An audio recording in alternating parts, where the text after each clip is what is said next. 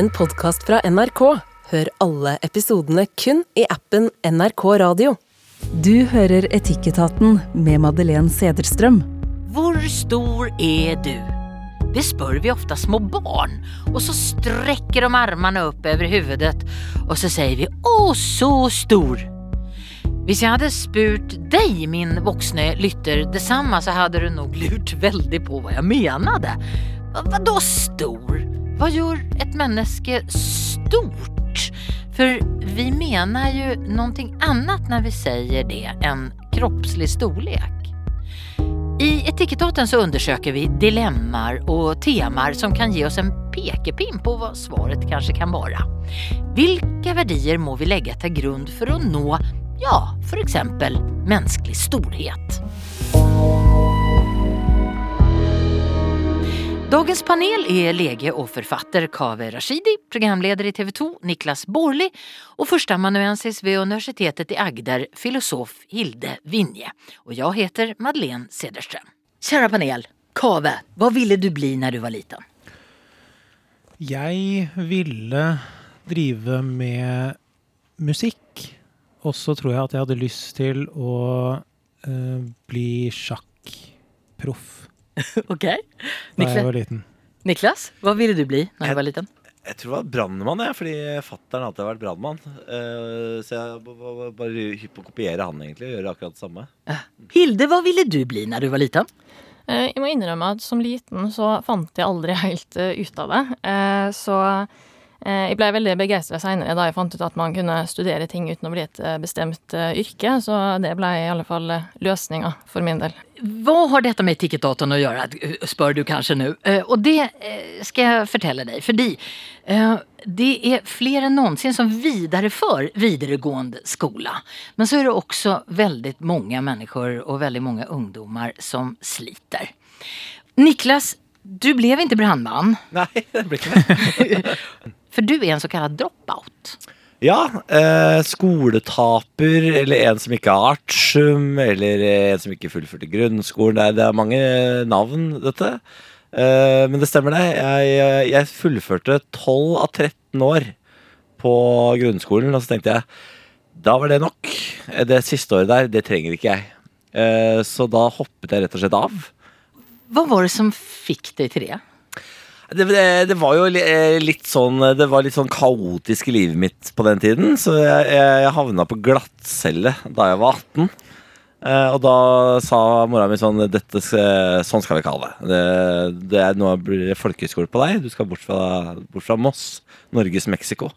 Eh, så for å ikke havne i kartellets klør, så havna jeg på folkeskole og radiolinje i Drammen isteden. Og det ble redningen. Det ble redningen. Den lange reisen fra Moss Ja. til Drammen. Ja, det stemmer. Det må ha vært vanskelig.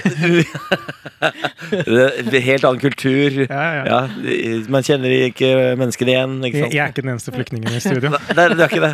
Vi har ganske lik historie, du og jeg, Kave. Hilde, eh, hvordan var det for deg? Var det streit til, eh, til nesten professor?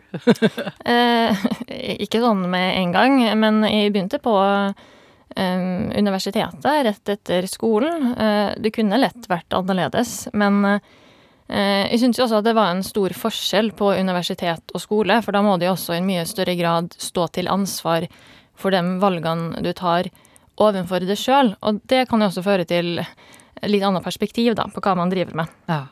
Kave, hvordan var det hjemme hos deg? Um, Jeg gjorde jo akkurat det samme som Niklas. Jeg også var bare tolv år på grunnskolen. Jeg hoppa over et trinn, Ja. så jeg ble ferdig 17 år gammel.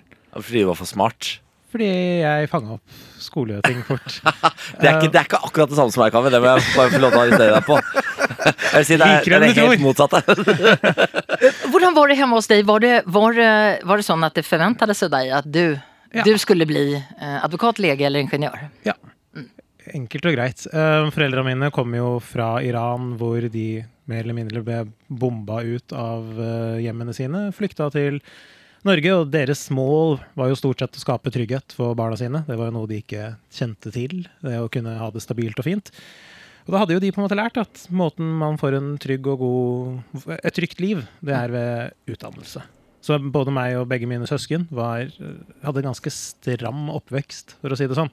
Og det var eh, Altså, vi fikk 500 kroner for hver sekser vi dro med oss hjem fra ungdomsskolen. Det var, det var mye fokus på skole. Hva, hva hadde skjedd om du som eh, 17-åring hadde sagt til dine foreldre Nei, jeg tror at jeg gidder ikke, det jeg dropper ut. Jeg tror ikke jeg hadde evnen til å kunne si det. Jeg var så tydelig på en måte indoktrinert i det der med at skole, uh, få en utdannelse, det er først, og så kan livet starte etterpå. Kunne du ha valgt noe annet? I teorien, ja. Det var ikke tvang, på en måte. Men det er et eller annet med at når man blir vokst opp under ganske sånn tydelige rammer og en slags stemme som kontinuerlig, i hvert fall indirekte, og kanskje også direkte sier sånn Da må bli lege. To storesøsken som hadde blitt det før meg. Um, Ville du bli det for din egen skull?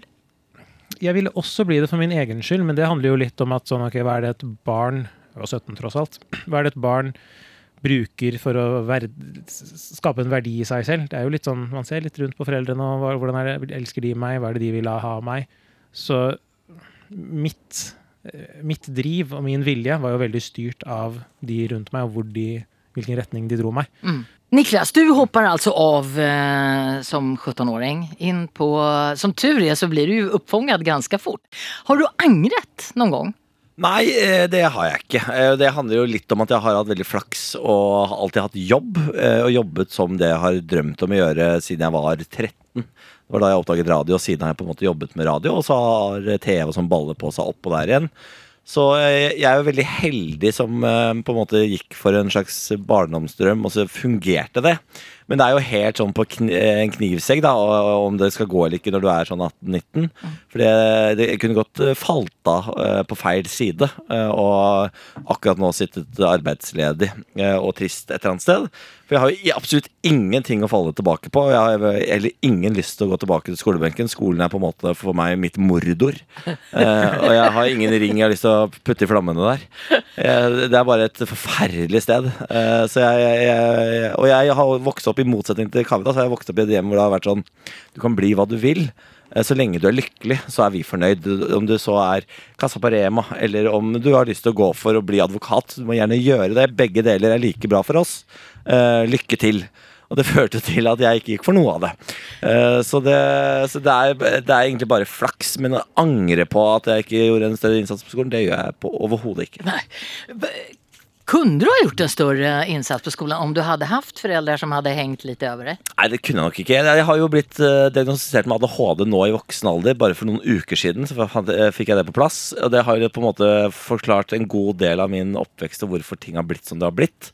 Eh, Jeg har jo alltid vært eh, det folk har omtalt som en sånn masekråke, liksom. Et problembarn som aldri klarte å sitte stille, som aldri klarte å eh, lese, lese leksene sine. Det var alltid kaos, da. Mm. Så det var litt deilig å finne ut av hvorfor det var sånn. At det ikke bare var uvilje, men at det faktisk var, var en diag- diagnose i bunnen der. Det- Det var kaos. Ja, det var noe kaos der. Ja. Bara for å få det på plass, Hilde. eh, Kant sier noe om det her med, med plikten til seg selv. Kan du fortelle? Eh, ja, altså i utgangspunktet så er jo den tyske filosofen Immanuel Kant eh, kjent for å være veldig sentral for pliktetikk, som legger vekt på at vi har visse plikter når vi skal handle. Eh, og i utgangspunktet så kan vi jo alle kjenne oss igjen i at um, det er en forventning om at vi har plikter til andre, men hos Kant så finner vi også eh, en tanke om at vi ikke bare har plikter overfor andre, men også overfor eh, oss eh, sjøl. Eh, og det her er jo knytta til eh, det han tenker hva det betyr at vi er rasjonelle og fornuftige vesen. Eh, han snakker om at eh, når vi skal eh, forstå om en handling er rett eller gal, så må vi ta utgangspunkt i om vi kan tenke at reglene som styrer våre handlinger, kan være en allmenn lov. Og da tenker han at det er visse ting vi må, som rasjonelle vesener, ønske for oss sjøl. Blant annet så brukte han et eksempel om det å ikke ønske å utvikle sine talenter. Eh, se for deg at vi har noen som har talent, som gjør at man kan bli et godt menneske. Men så lever man behagelig og foretrekker å bruke tida på fornøyelser istedenfor å anstrenge seg for å utvide og forbedre da, sine heldige anlegg. Eh, og da blir spørsmålet er det, er det greit at man eh, lar eh, sitt eget talent ruste og bruker tida og livet på lediggang. Eh, Kant sitt svar var at eh, det kan man ikke, for et fornuftig vesen, eller et rasjonelt vesen, eh, vil umulig kunne ønske at det her skal være noen allmenn regel, da. Så han konkluderer da at vi har eh, plikt til å utvikle vårt eget talent. Mm. Eh, og så er det selvfølgelig et åpent spørsmål her om det å fortsette på skole eller ta en bestemt utdanning er den beste måten å utvikle sine evner på. Eh, men eh, hvis det fungerer etter hensikten, så er det kanskje et godt utgangspunkt. Skal vi, vi, tar et, vi tar et tenkt eksempel. Theodora skriver inn til Etikettaten og sier jeg vil slutte på skolen og vil ha gode argument til mine foreldre. Jeg har lyst til å pysle med gaming, for det er jeg ganske bra på. Ganske bra på. Niklas, hva skulle du si? Nei, jeg ville eh, sagt at du skal være varsom med det. da Du skal være veldig god i gaming, eller ha en enorm lyst til å jobbe veldig hardt for å bli gamer på proff eh, og heltid hvis du skal lykkes. Eh, Så hvis du ikke har en back- backup-plan, eller på en måte har et, et sånt et tydelig talent, så vil jeg si fullfør skolen. I alle fall videregående. Ja, jeg fullfører i hvert fall videregående. Det gjør livet ditt veldig mye lettere i voksen alder hvis du skulle ombestemme deg i ettertid. da Hva, hva skulle du ha sagt til Theodor? Jeg ville ha likt å utfordre Theodor på hva den egentlige motivasjonen er for det han sier. Handler det virkelig om at du har lyst på en karriere innen gaming, og det blodslitet det er å nå toppen der? Eller handler det om at du har lyst til å sove litt lenger på dagen, eller at du syns det er kjedelig med skolearbeid? Eller kanskje det handler om at du bare syns det sosialt er vanskelig i skolen? Det kan være en million årsaker til at Theodor føler det han føler, men du liksom klarer å grave i det, så tror jeg kanskje man kan løse det faktiske problemet. For kanskje ikke det faktiske problemet er en brennende drøm om å gi livet sitt til gaming. Kanskje det heller er noe han prøver å flykte fra. Ja. Og det, det er i så fall kanskje ikke en god løsning, da. Og Hilde, du får forstås det vanskeligste. Eh, Theodor er en glimrende eh, gamer. Og han har faktisk en, en mulighet her, men han må hoppe av kanskje redan som 15-åring for, for, å kunne forfølge dette. Eh, Jeg tror i alle fall i likhet med, med Kavær ville råda til å tenke over ikke bare hva man eh, velger, men hva man, man også velger bort her, da. Og er det slik at man vil velge gaming fordi man overhodet ikke har noe som helst anlegg for det man driver med på skolen, eller er det andre ting? Niklas, hva skal, han, hva skal han si til sine foreldre? Da, eh, da Du får jo et Du kommer jo til å få et bikkje Et geitehelvete, som vi sier i Moss, eh, hjemme på middag frokostbordet med foreldra dine. Men det tror jeg du bare må stå i hvis du er brennende eh, opptatt av gaming og er helt bevisst på at dette skal jeg bli verdensmester i. Så må du bare kjempe mot foreldrene Bare stå- dine. bare det er mange det. som har gjort det i alle andre grener.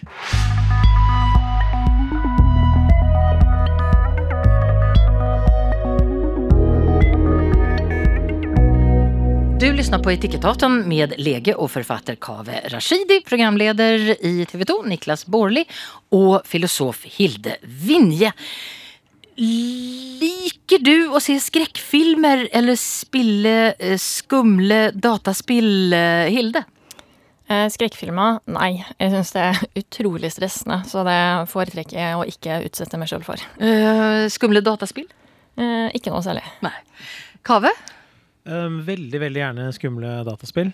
Um, men ikke skrekkfilmer. Det blir for mye følelser vekket. Niklas? Elsker det. Begge deler. Uh, Jeg sitter gjerne med, med høy puls og popkorn og skriker i sofaen og gjemmer meg bak puter mens eh, jeg blir livredd for å gå i mørket seinere. Syns det er kjempedeilig. Dette er et fenomen vi må utforske, og om det fins litt etikk rundt det. Jeg har nemlig lest en undersøkelse en gang at en gjennomsnittlig nordmann ser runt runt räknat 100 mord på film och tv eh, varje år. Ofta samman då med smågott och chips och popcorn som du sa, eller kanske ett glas vin. varför gör vi det här? Varför ser vi på skräckfilmer och mordmysterier eller spiller våldliga dataspill? Vad är denna hangen till skräck och gru? Och är det bra eller är det ett dåligt behov? Niklas, vad är det det tillfredsställer med dig? Det- vet du hva, Det vet jeg ikke helt. Det er litt vanskelig å svare på. Jeg føler, eh, hvis jeg skal være helt ærlig på dette, at man fremstår litt sånn klin gæren nå. Det er, det er en eller annen skam i meg når jeg skal snakke om dette. Det at jeg liker å se folk bli liksom maltraktert på TV. Det er jo et eller annet bisart og grotesk ved det. Men det er jo veldig deilig òg, da.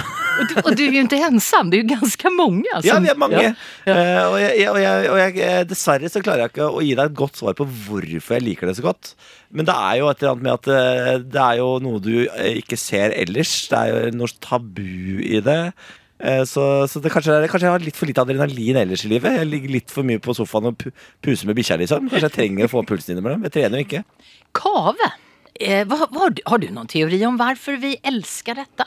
Jeg tror det handler veldig mye om ren sånn nevrobiologi. Altså sånn, hva skjer inni hjernen din når du opplever noe? Hvis man hadde dytta deg inn i en MR-maskin, så er jeg sikker på at du hadde fått litt utløsning av dopamin, kanskje litt lykkestoffer.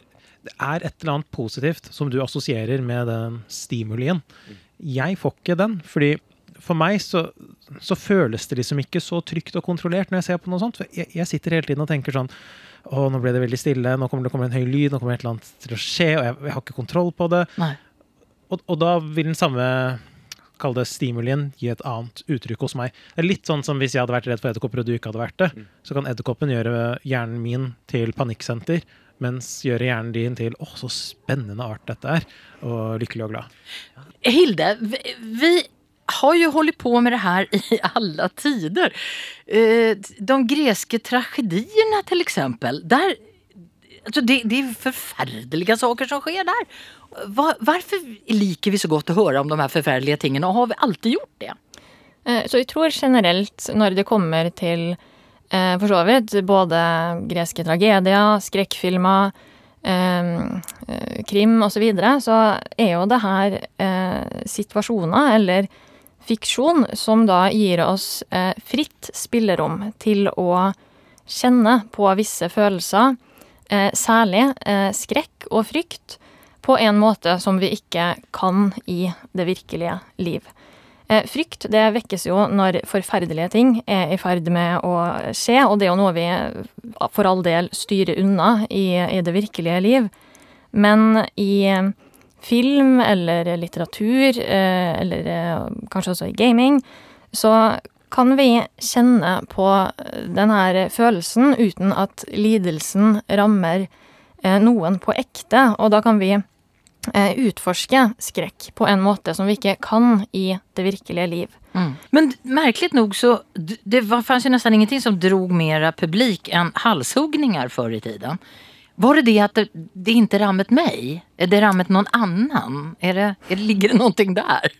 Akkurat det er jeg usikker på. Så kan man jo også spørre seg om det er litt ulike motivasjoner inne i, i bildet her. Altså hvis noen liker å se på en skrekkfilm fordi man genuint liker å se at noen blir påført skade, heller enn å kjenne på en fryktfølelse og bli skremt, så er jo det to litt Det er veldig ulike ulike situasjoner. Ja. Ja, men altså, når, når jeg var kid, da, eh, så husker jeg jo at gutta samla seg jo på datamaskinen og så på sånne forferdelige eh, nettsider hvor man kunne eh, se ekte videoer av folk som ble utsatt for ganske grusomme ting. Eh, det- som man heldigvis vokser fra seg med Ja, For tiden. hjernen utvikler seg jo heldigvis hos Ja. de fleste. De, man får litt empati og Hva, hva, med, eh, hva med de som ikke ser på skräckfilm då? Hilde, du ser inte så särskilt mycket på skräckfilm. Och jag, jag ser på skräckfilm bakom en pute hela tiden. Jag ser ingenting. Och Kaveh, du ser inte heller. Vad är, det, vad är det i oss då som bara säger nej, detta, ja, det gidder jeg ikke. Nei, jeg tror eh, Når det kommer til skrekkfilm, så er den veldig sentrert rundt det å eh, skape frykt. Eh, men jeg må jo innrømme at jeg har jo sansen for eh, tragedier. Det, det har jeg. Men det er også litt eh, eh, annerledes når det kommer til hva det legges mest eh, vekt på. Eh, I tragedier så er det også veldig viktig at eh, det handler ikke bare om frykt, men det handler også om å vekke medlidenhet. Og medlidenheten den oppstår jo når noen lider ufortjent, og det ikke er en rettferdig straff.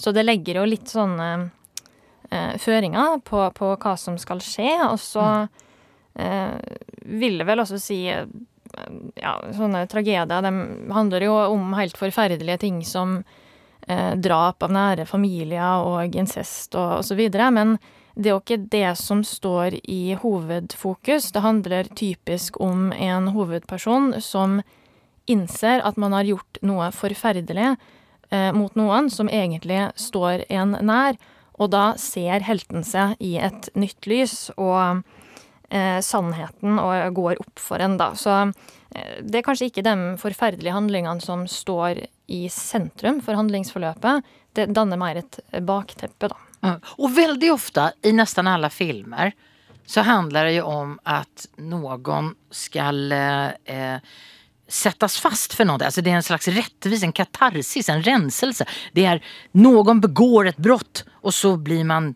tatt. Eh, Det er jo det som er det store spørsmålet. Eh, tanken om at man kan få en renselse eller katarsis ved å se slik forferdelig fiksjon, det kommer jo til, fra, fra antikken, hvor man også snakka om de her greske tragediene. Eh, Og der eh, blir det da sagt i et verk av Aristoteles at en tragedie, det fører da til eh, en renselse, og det skjer da gjennom fremkallelse av følelsene frykt og medlidenhet. Men så er det jo høyst uklart eh, akkurat eh, hva det her betyr. Eh, hva er det denne renselsen består i? Og er det slik at det her har noe å gjøre med at vi kan eh, bli påvirka rent moralsk, eller er det bare eh, en eh, leik eller rein underholdning som vi utsettes for? Eh, og det her rører jo også veldig liksom større eh, filosofiske spørsmål om hvilken eh, verdi eh, film, litteratur og, og fiksjon har. Eh, noen vil jo si at det handler bare om å kjenne på de her følelsene som vekkes der og da, når vi holder på med et spill eller leser ei bok. Mens andre vil si at uh, det her er egna til å potensielt gjøre oss uh, bedre, eller også verre, rent moralsk, fordi uh, vi får trent følelsesregisteret vårt på en bestemt måte som kan endre på vår moralske karakter.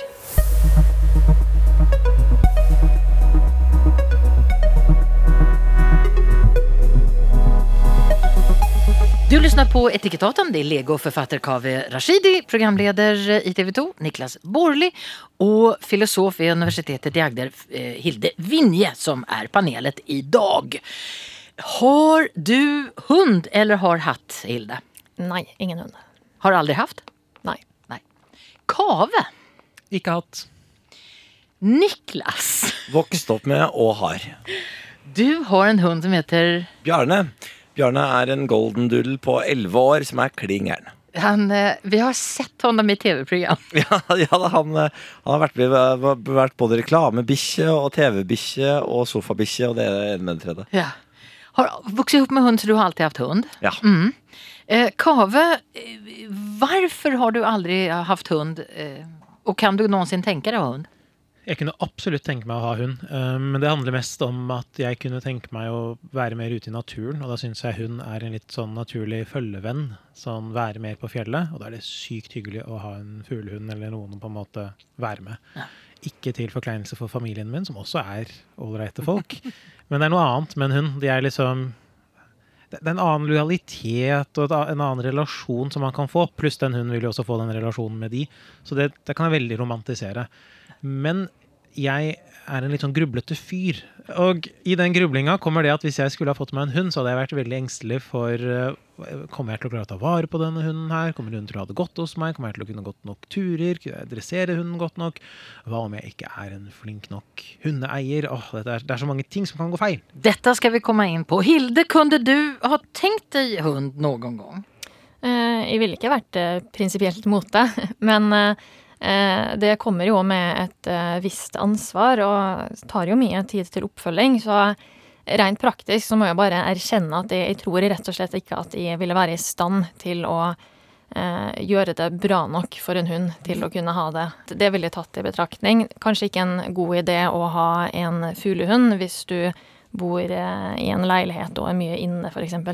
En 13 år gammel terminal hund som lever sine siste dager En eh, Sankt Bernhard, de er ganske lata tror jeg. de er. De, de er veldig store da.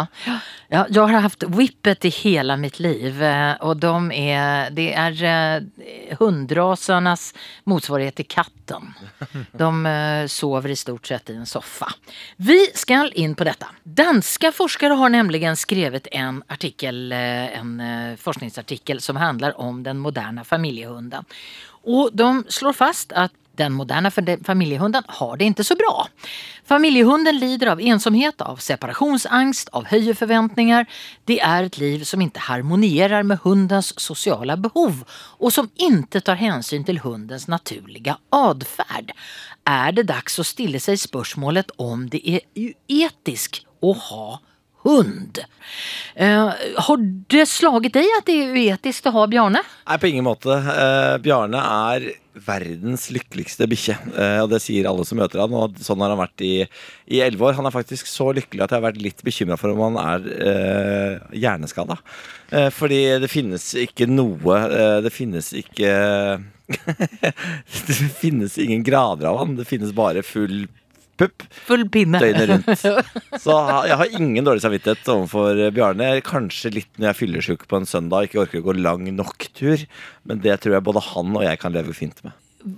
Levner du Bjarne mye ensam? Nei, vi er ganske flinke til å være ganske mye med Bjarne. Vi er jo to, jeg og ektemannen min, og vi jobber sånn at eh, når jeg ikke er hjemme, så er Benjamin, eh, mannen min, hjemme stort sett. Så Bjarne er hjemme aleine kanskje to-tre timer eh, maks av gangen. Uten eh, at han får være med noen. Og så er han jo som regel med oss da, rundt omkring. Han er jo en veldig sosial type. Så han er jo et påheng, liksom. Kave, du har jo en, en litt lei erfaring med eh, at eh, oppdage eh, hunder som ikke har det så veldig bra. Ja, jeg, jeg har jo mangt en gang eh, Jeg jobba mye på akuttbil, legebil, hvor man kjører hjem til folk som er syke, som ikke har det bra. Ofte er det psykisk lidelse og pågått lenge, og vi liksom bryter oss inn. Og der er det ofte en, et og annet kjæledyr som har blitt neglisjert over lang tid. Og ja, meldes de til Mattilsynet, som kommer og eh, hjelper til så godt de kan. Um, så jeg har en sånn automatisk frykt da, for at jeg ikke skulle klart å ha god nok omsorg. Men hadde det ikke vært for at jeg bryr meg om hunden, så hadde jeg tenkt at hunden på blå resept hadde vært en nydelig medisin for kjempemange. Det er en følgesvenn, det er noe mening, det er mestring. Det er kjempemye positivt. Spørsmålet er bare om det er riktig å på en måte utnytte et dyr for det, eller om det å eie et dyr først og fremst burde handle om at man har lyst til å gi det dyret et godt liv. At man allerede har overskudd og kapasitet, og da kan man liksom dele ekstra kjærlighet, litt sånn som man gjør med barn. da. Mm. Hilde, dette er jo noe som du har puslet ganske mye med med dyreetikk. Er det uetisk å ha hund?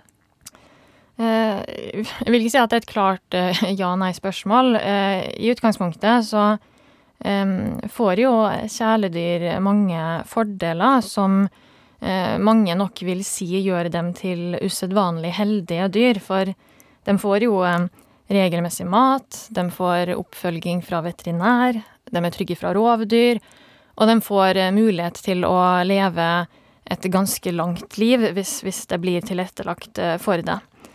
Eh, Men så er det jo fremdeles et spørsmål om slike fordeler er nok til å gjøre det verdt for ulike kjæledyr å leve hos eller med mennesker. Og her kan vi jo si at det vesentlige blir om slike dyr får muligheten til å faktisk utfolde seg på en måte som er eh, naturlig og karakteristisk for akkurat det dyret som det er snakk om. Eh, og det kan jo gi oss noen eh, pekepinner. Så det blir da viktig at når man vurderer det her spørsmålet om et dyr får mulighet til å gi uttrykk for sine artsspesifikke interesser. Så hvis en hund blir gående i eh, ensomhet store deler av dagen, eh, ikke har noen mulighet til å sosialisere seg, eh, eller bevege seg fritt, så vil jo det eh, legge en klar demper på den livsutfoldelsen.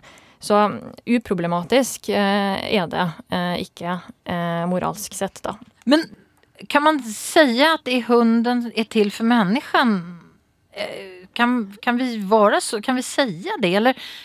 I, I ditt fall då Niklas, er det du som er til for Bjarne, eller? Ja, det føles i hvert fall sånn. Ja. At, uh, at vi er til for han. Ja. Uh, det er, vi kjører han til hundefrisør en gang i måneden. Han løper fritt ut på hytta. Han får rasere det han vil. Han får plassen i sofaen. Han tar seg plassen i senga. Han, eh, jeg var kjæreste i går handla mat for mange hundre kroner til han. Han drikker, han spiser hundeis, får hundeøl. Altså, han lever et Hundeøl? ja, han hadde eget, eget øl til bikkjer, eget is til bikkjer. Altså, han lever et Er det eh, alkohol? Eh, nei, det er uten alkohol. da Og Går i hundebunad på 17. mai. Han lever livet til en, en konge. Liker han å gå i bunad? Han, han elsker å kle seg opp. Han, eh, det er eh, helt absurd å se på, men når han får på seg klær, om det så er turklær eller om det er en T-skjorte han låner T-skjorta mi, eller noe sånt, så, så, så, så blir han altså så stolt og går rundt og viser seg fram. Hilde, tror du at Bj- Bjarne er til for Niklas, eller Niklas til for Bjarne? Eh, jeg skal eh, kanskje ikke kommentere på akkurat den relasjonen, det er litt sånn vanskelig å se utenfra, men ehm, problemet her kan jeg jo si det er at hunder i så veldig stor grad er prisgitt sin eier, og det er ikke eh, så mye, hva skal man si, eh, sosial infrastruktur rundt eh, eh, en hund som det er for, for mennesker. For eksempel kan vi jo se for oss at det finnes visse hunder som vi ikke får til å, å sosialisere, og som er for aggressive eller vanskelige å ha med å gjøre, og som ikke har det bra. Eh, Det finnes jo kanskje eh, lignende eller tilsvarende tilfeller hos, hos eh, mennesker, men da, hvis det er noen som ikke klarer å omgås andre mennesker, så er det i alle fall ideelt sett noen sosiale institusjoner som eh, står eh, klare til å ivareta dem. Vi tar ikke livet av dem i Nei, fall. det, det Nei. gjør det ikke for hunder. Dem, dem avliver vi, så de får jo bare én sjanse. Eh, eller i alle fall så er de sjansene de gis av fellesskapet, langt mindre enn det vi gir til, eh, til andre mennesker. Så det handler ikke om enkeltpersoners eh, evne til å ivareta en hund, men det handler om hvordan vi som fellesskap følger opp hunder som lever i, i samfunnet. Så ideelt sett så burde vi egentlig vært vi sk Når vi har en liten valp eksempel, så skulle vi hatt eh, sosiale muligheter til å ta ledigt fra jobbet. Hva sier du, Kave? Skulle vi hatt det? Jeg tenker vi i hvert fall kunne hatt mer rettigheter for dyr. Jeg vet f.eks. at i Sveits så er det ikke bare bare å få et uh, kjæledyr. Um, man må gå gjennom noen tester og greier, og så må man i tillegg ha en kjæledyrvenn for kjæledyr. Jeg tror ikke det er lov å eie ett kjæledyr i en uh, sveitsisk hushold. For det blir ensomt for kjæledyret. Mm. Så det med hvor mye rettigheter vi gir til dyrene, er jo egentlig en sosial konstruksjon. da. Um, hvor man i Norge kanskje satser på at det er mange som deg, Niklas og Benjamin, um, og håper at de fleste tar den jobben eller tar det ansvaret, tar det ansvaret på alvor. Mens i andre land så har man litt mer sånn strukturelle regler for å sørge for at det ikke svømmer en ensom gul, gullfisk i en bolle. Mm. Det er Kjempelurt, da. Mm. Altså, det, det har vært snakk om å innføre teoretiske prøver for å få lov til å ha hund i Norge også. Ja, det syns jeg man burde ha på barn også, Ja, for øvrig. Ja, ja, ja. Absolutt. Men det, det syns jeg er en kjempegod idé. Men da, hva er alternativet, da? Hvis man eh, nå skulle begynne å si sånn Vi skal ikke ha hund i Norge som privatpersoner. Skal vi, hva skal vi da bare begynne å ut, eh, Skal man begynne å utrydde hunden som liksom eh, husdyr? Og så skal man, ha, skal man til, føre dem tilbake til naturen? Skal vi få ville bikkjer igjen? Jeg har, sånn vært i, jeg har vært i land med ville bikkjer. Jeg er ikke på uh, ville bikkjer løpende rundt. Jeg tror, tror ikke at de har det så bra, de heller. Det virker ikke sånn. Ja, kanskje bare følge opp. Eh, Så nå er det jo ikke nødvendigvis slik at det eneste alternativet er å avvikle privat hold av hund, men det kan jo være et spørsmål om eh, hvordan man som fellesskap tilrettelegger for hva som skjer med hunder når av en eller annen grunn en privatperson ikke lenger kan ta seg av den hunden. Eh, Så eh, det vil ikke nødvendigvis eh, være slik at eh, det eneste andre alternativet vi står igjen med, er å eh, tenke at hunder ikke lenger skal være eh, tamdyr eller selskapsdyr. Eh, Det blir kanskje snarere et spørsmål om eh, eh, hvilken egenverdi vi tilkjenner dem, og da ikke bare i tilknytning til sin eier, men også hva gjør vi når eh, eieren, selv om det er en god eier, faller ifra.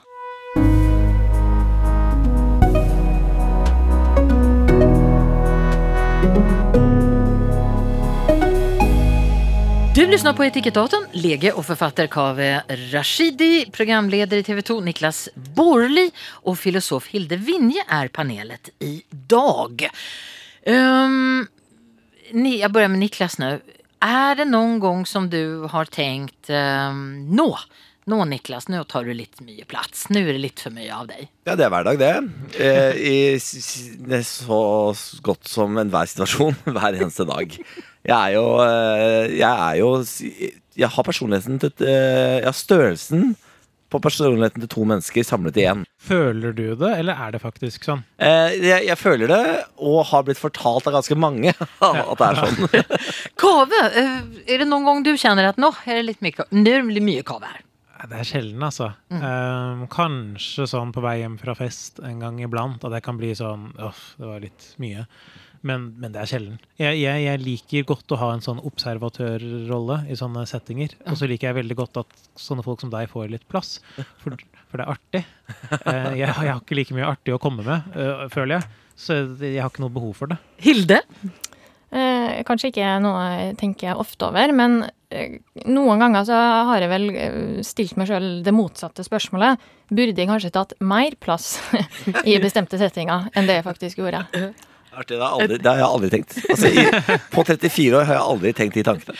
Men du har et oppfølgingsspørsmål, Niklas. Ja. Fordi eh, om Kaveh er, er litt sånn tilbakedragen, og Hilde nog kunne ha vært mer frampå, eh, er det noen gang som du Tykker at du er en besserwisser?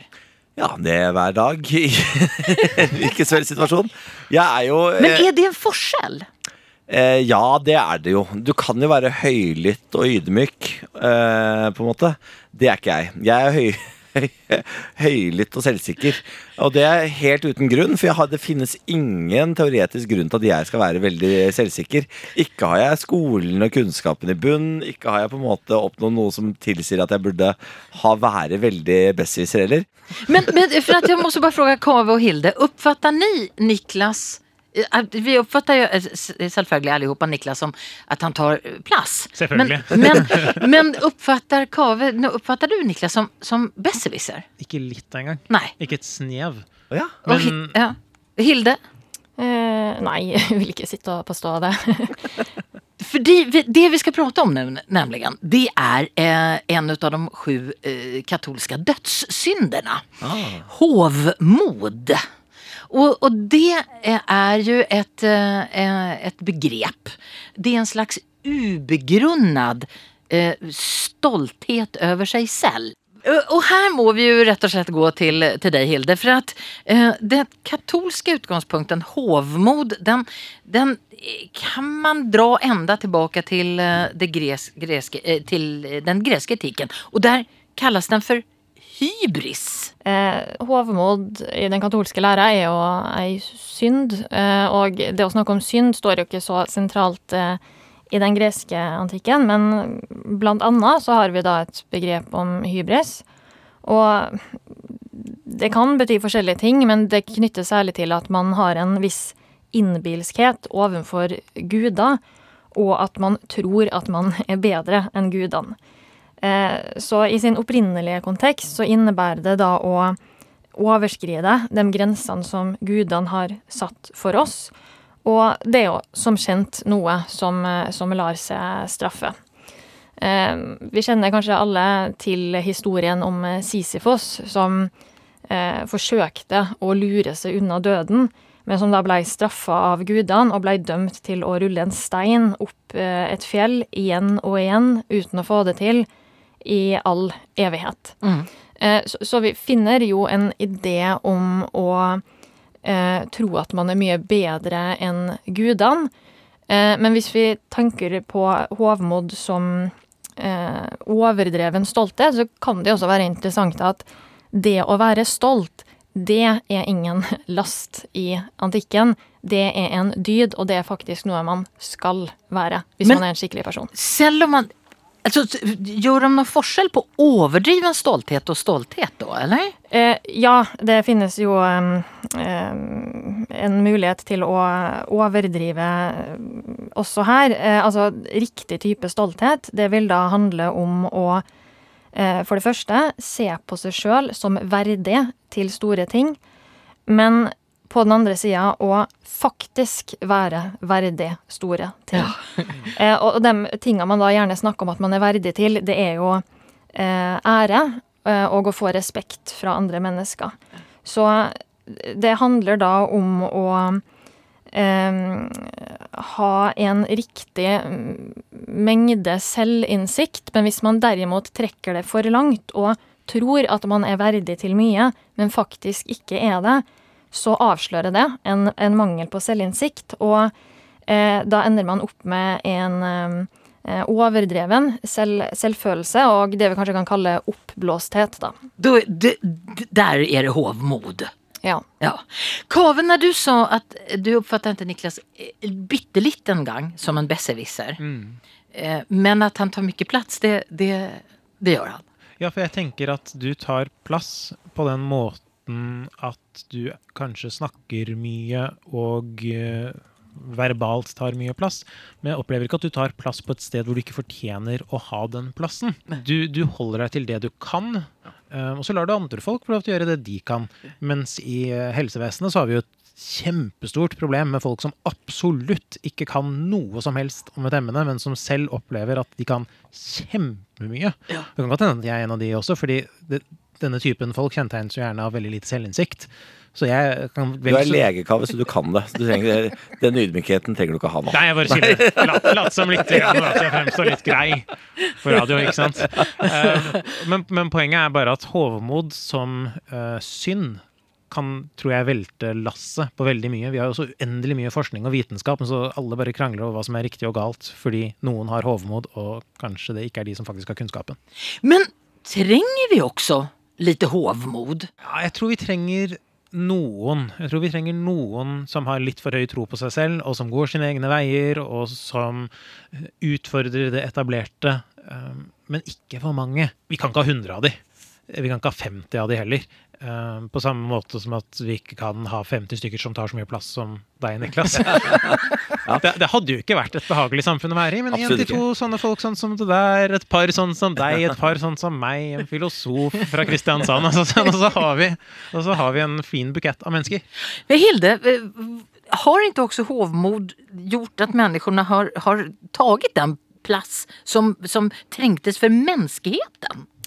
Eh, Jeg vil i alle fall si at det å ha en viss porsjon av eh, selvfølelse eh, er, er viktig. Hvis man drar det for langt og det blir overdrevent, og man mangler selvinnsikt, så blir det jo oppblåsthet. Men eh, det er jo verdt å legge til at det kan jo gå for langt den andre veien også. At man har for lite selvfølelse, og at man tror at man er mindre verdt enn det man i realiteten er. Og det var, det var en...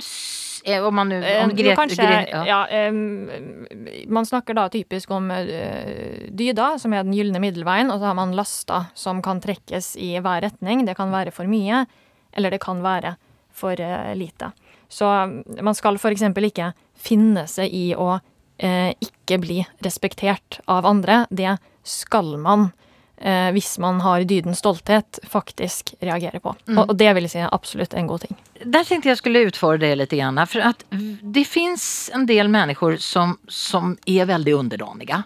Eh, og jeg kan kjenne på en irritation når jeg møter den typen av mennesker. Eh, hvordan er det med dere? Det høres nesten litt sånn universelt uattraktivt ut å være en person som bare ikke har noe vilje, ikke har noe ikke har noe driv eller motivasjon mot noe. Og jeg, kan skjønne at noen folk som kanskje selv ønsker å ta mye plass, har lyst til å ha en partner som ikke tar så mye plass, sånn at de får det, den plassen. Men da høres det litt kjedelig ut for meg. Ja, jeg, jeg, jeg tar jo mye plass, men jeg, jeg er også glad for at min mann tar mye plass. Ja, og jeg vil også tro at på sånn, i sånn, en festsetting eller en middagssetting så hadde det vært veldig kjedelig hvis du var den eneste, og så var det åtte veldig stille folk. Du har jo lyst til å nesten litt å måtte skrike over noen andre og liksom ta, gjøre deg fortjent til den plassen. Det med det her med hovmod, for noen mennesker føler åpenbarligen at de kan ta den plassen helt rettmessig. At de, de føler de seg bedre enn andre. For der tenker jeg, Niklas, gjør du det? Føler du deg bedre enn andre? Nei, det gjør jeg ikke. Eh, og det, det at jeg tar så mye plass, handler aldri om det. Eh, det, handler, eh, det handler litt om at jeg, jeg sliter litt med å holde kontroll på eh, gassen innimellom. eh, og så handler det om at jeg har veldig mye på hjertet jeg gjerne vil få ut. Kave, føler du deg bedre enn andre iblant? Egentlig tvert imot. Um, jeg føler meg veldig, veldig ofte underdanig i situasjoner, bare sånn som her. Jeg føler at dere tre kan veldig mye. Um, men så sitter jeg her og føler litt sånn eh, Fortjener jeg en plass i dette panelet? Jeg har jo en legeutdannelse, jeg kan se pasienter. Hva gjør jeg her? Så jeg, jeg tror jeg oftere føler at jeg må bevise meg, heller enn at jeg Men i din legepraksis til eksempel, kan du føle at du Nei, Nei, men legeyrket er tuftet på tvil og usikkerhet og risiko. Hvis jeg hadde kommet inn på legekontoret ditt, uh, Kavrashidi, så håper jeg at du hadde følt at du kunne mer enn meg.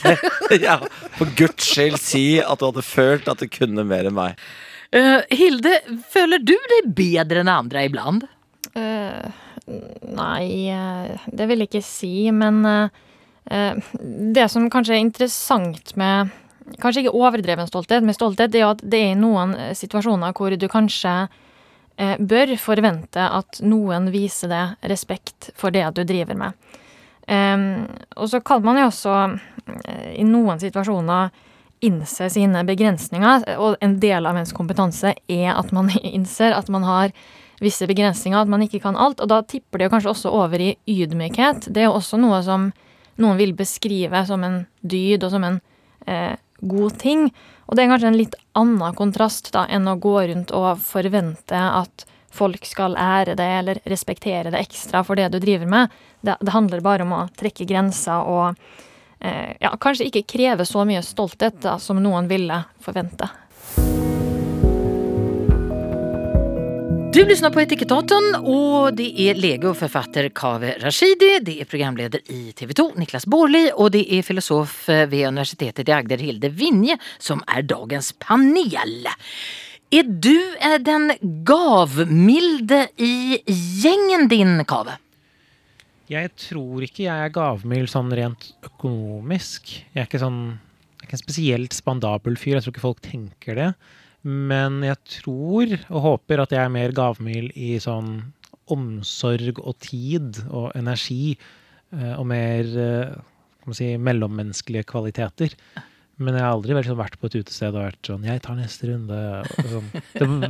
det, det, jeg tror ikke det er gjerrighet, jeg bare tror det bare føles veldig rart og unaturlig ut for meg å ta den posisjonen. Hilde, er du den gavmilde i gjengen? Eh, kommer nok an på hvordan man forstår eh, gavmildhet. Hvis man tenker at det handler om å være liksom, storkar og hele tida spandere på alle som er med. Kanskje ikke akkurat på den måten, men eh, liker jo å være gavmild overfor venner, men da overfor noen som er gavmilde tilbake også. Ja. eh, ja. Niklas?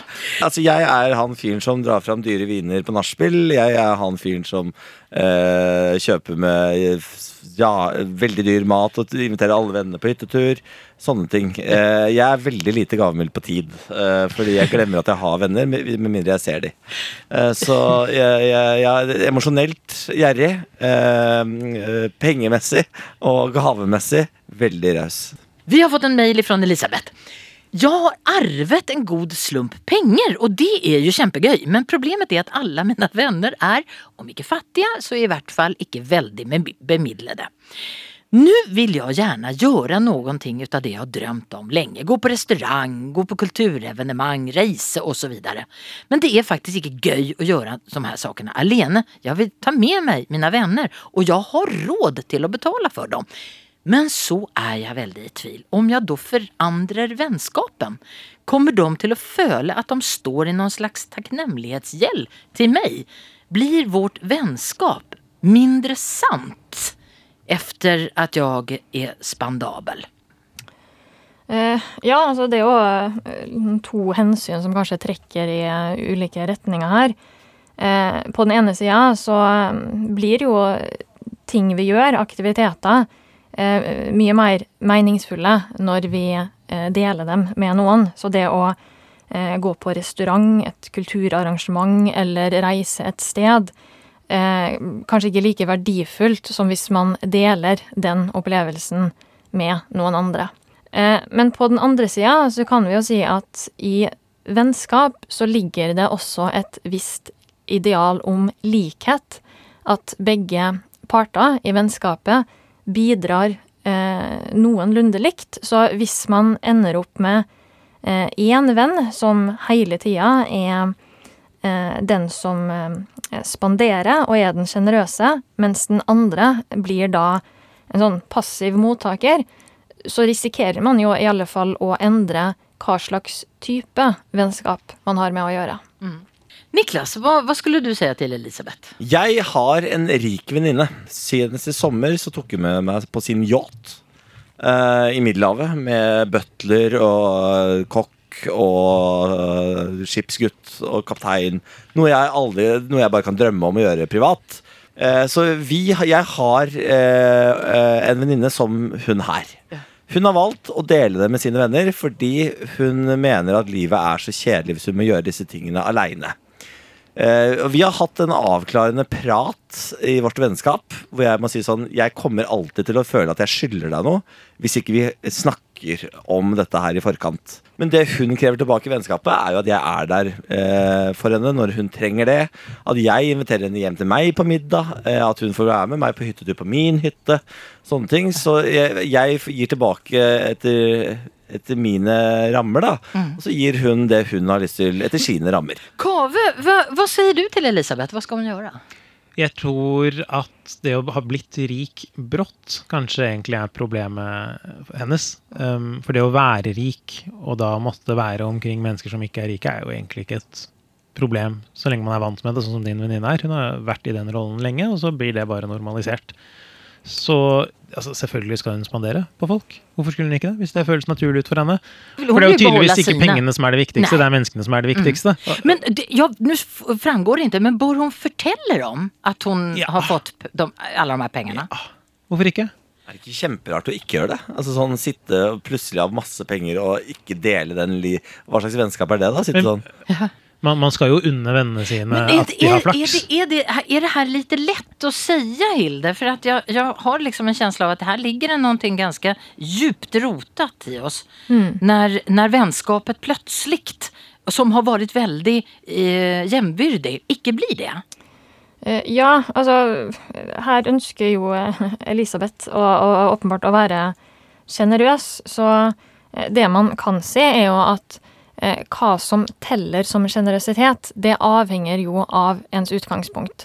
Så for noen mennesker som kanskje ikke har veldig mye ressurser tilgjengelig, så kan det være veldig sjenerøst å spandere en kaffe på en venn. Mens for noen som har enorme summer med velstand, så vil ikke eh, det å spandere noe så lite eh, utvise sjenerøsitet på den samme måten, for det er ikke like mye det vi må gi opp da, for å gjøre noe sånt.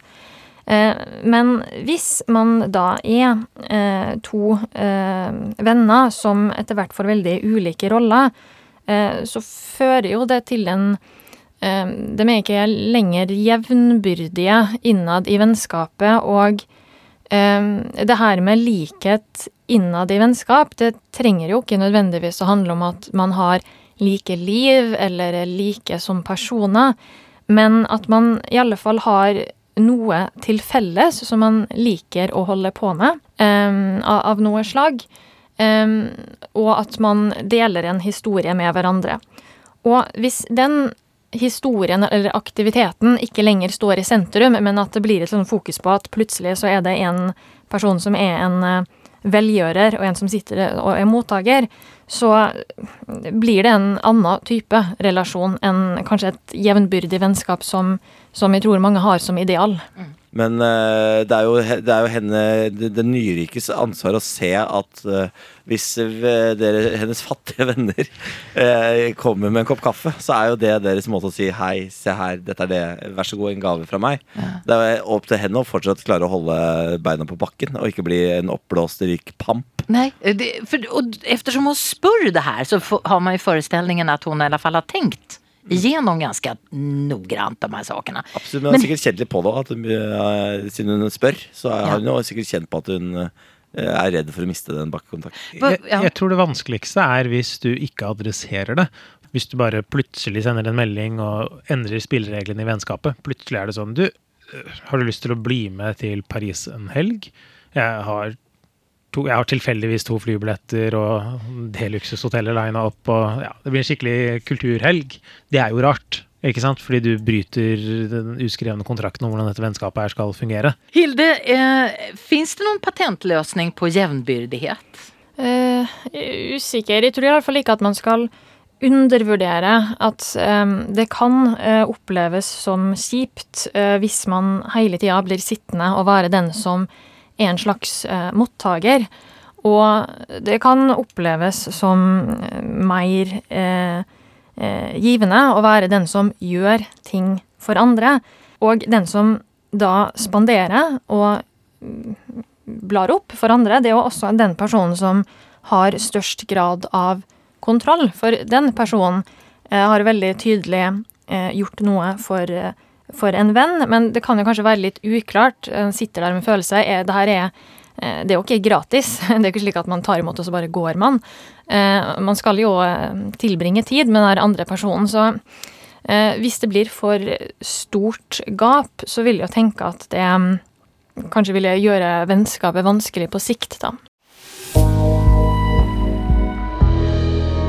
Å være et stort menneske bør altså ikke være det samme som å være svær, som man sier på Hedmarken, eller hovmodig da.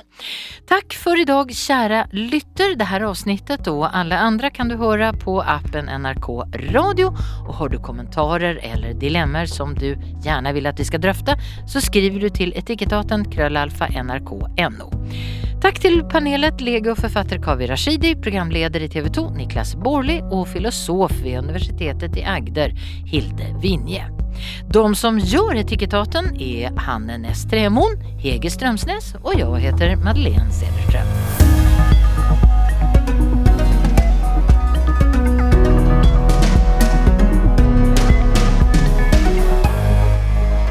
Du har hørt en podkast fra NRK. Hør alle episodene kun i appen NRK Radio.